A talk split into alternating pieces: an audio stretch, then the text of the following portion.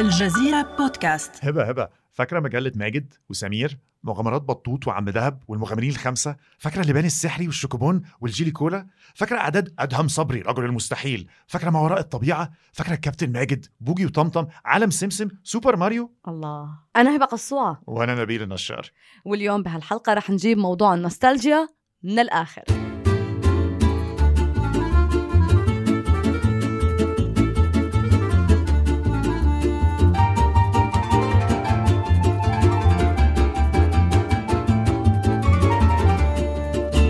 طبعا النهارده بنتكلم عن النوستالجيا. عمرك في مرة كنت سايق في العربية وسمعت الراديو طالع منه أغنية قديمة كده من أيام المراهقة.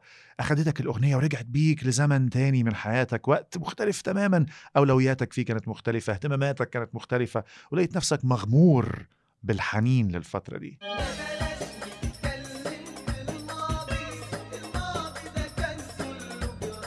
أغنياتك وموسيقاك المفضلة اللي كنت بتسمعها في طفولتك ومراهقتك حتى لو النهارده بقى ذوقك الفني مختلف تماما وبقى مستوى الموسيقى اللي بتسمعها أرقى بكتير وليه معاني أعمق بكتير. لكن في دراسات بتقول إن ربما هتفضل طول حياتك الموسيقى دي هي المفضلة عندك مهما تغير ذوقك ونضج حسك الفني واستمعت المقطوعات أكثر جودة. على فكرة أنت على طول بتعمل فيي هيك. كل مرة ببرنامجك الموسيقي بتحط أغنية بترجعني عمري 16 سنة. آخر مرة كانت هم مالهم بينا يا ليل. هم مالهم بينا. نسيت الدنيا نسيت الشغل نسيت الإيميلز اللي عم ببعتهم ورجعت بنت 16 سنة. كنت بتحبي عليها الأغنية دي؟ آخ ليت الشباب يعود يوما. أكيد كان- كنت بحب عليها. كان كان اسمه إيه؟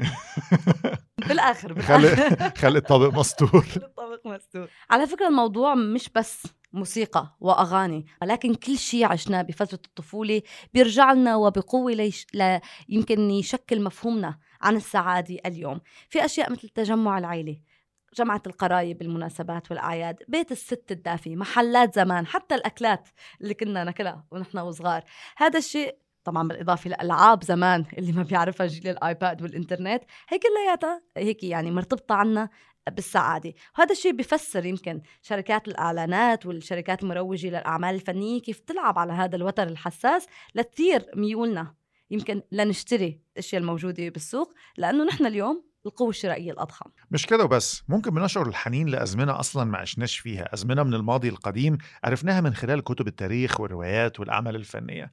أهم ما بيميز ظاهرة النوستالجيا إن هي بتخلينا نشعر بأن الماضي هو الأفضل والأجمل والأكثر سعادة والأكثر أصالة وبراءة وصدقا وكل الحاجات الجميلة اللي في الدنيا. رواية البحث عن الزمن المفقود للفرنسي مارسيل بروست واحدة من أكثر الأعمال الأدبية اللي بتعبر عن فكرة النوستالجيا والحنين إلى الماضي. ذكر فيها على سبيل المثال إن إزاي تذوق حلوى المادلان اللي لم يتذوقها من لما كان طفل فجر داخله شلال من المشاعر الدافئة والقوية وهو بالضبط اللي بيحصل لنا لما نشعر بالحنين. أنا بشعر بالحنين لأيام الأبيض والأسود.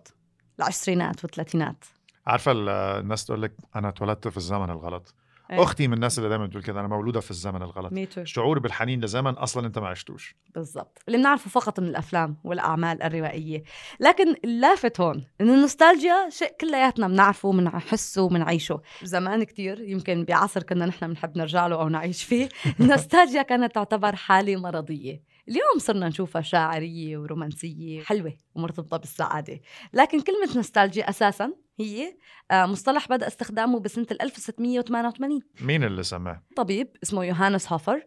لاحظ وجود ظاهرة منتشرة بين الجنود السويسريين اللي كانوا عم بيحاربوا لصالح فرنسا وإيطاليا.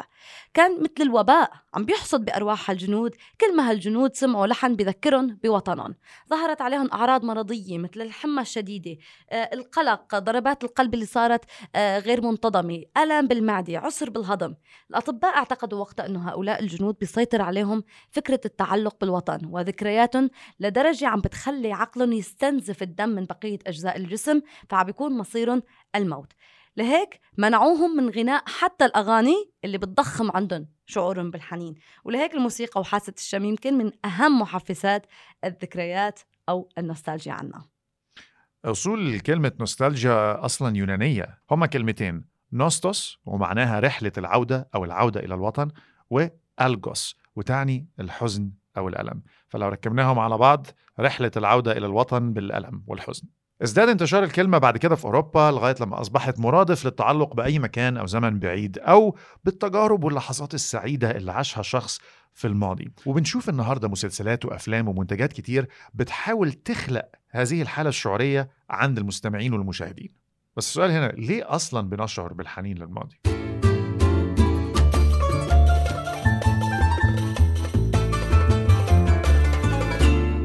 كتير أسباب بتخلينا نحن للماضي. أول شيء فكرة إنه الحاضر اللي نحن عايشينه أصعب من الماضي اللي آه طبعا نحن بنتذكره لأنه ذاكرتنا انتقائية أساسا. نحن بنتذكر الأشياء الحلوة فقط.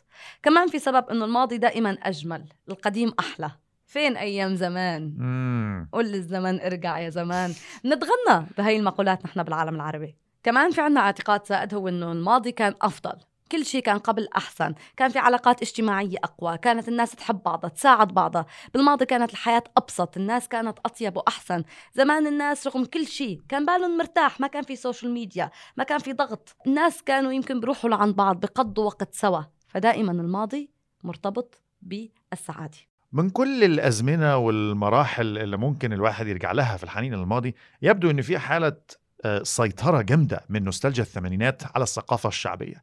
بنلاقي كتير من المسلسلات والأفلام أحداثها مبنية على الفترة الزمنية من أشهرها طبعا مسلسل Stranger Things. حاجة كمان مسلسل Black Mirror كان في حلقة بيختار الأبطال فيها أن هم يرجعوا لحقبة الثمانينات علشان هي بتمثل بالنسبة لهم الخيال الحالم والرومانسية.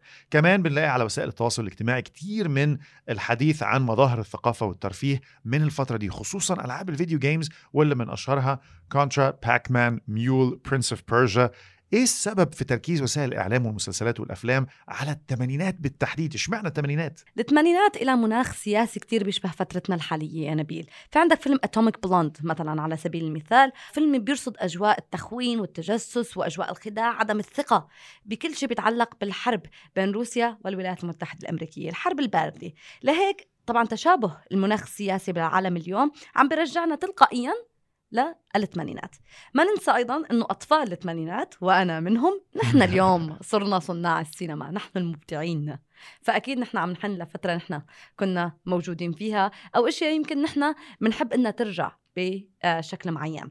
صحيح. فأطفال الثمانينات اللي بيعملوا أفلام وأعمال درامية دلوقتي هم اللي بالنسبة لهم الثمانينات كانت فترة طفولتهم. فهي صحيح. الفترة السعيدة في حياتهم اللي مليئة بالبراءة والألعاب وال... والفنفنة. فنفنة. بالضبط كده.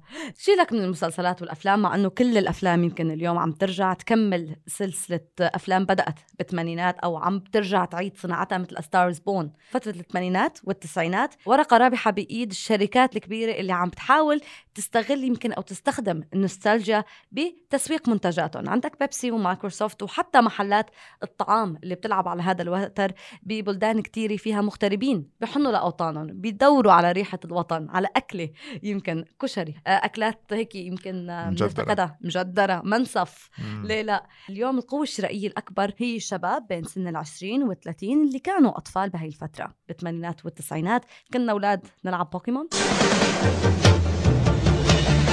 أحلم دوما أن أكون الأفضل بين الجميع اليوم عم نحضر فيلم. كنا أولاد نلعب ليجو اليوم نحضر الليجو فيلم صح مكملين. حتى الأفلام الجديدة من مارفل زي Guardians of the Galaxy مثلا من 2014 والجزء الثاني اللي كان بعديه بسنتين كلها بتستغل موضوع نوستالجيا الثمانينات من إن هم بيلعبوا في الفيلم 12 أو 13 أغنية من أشهر أغاني الثمانينات ومن أنجحها وأكثرها انتشارا.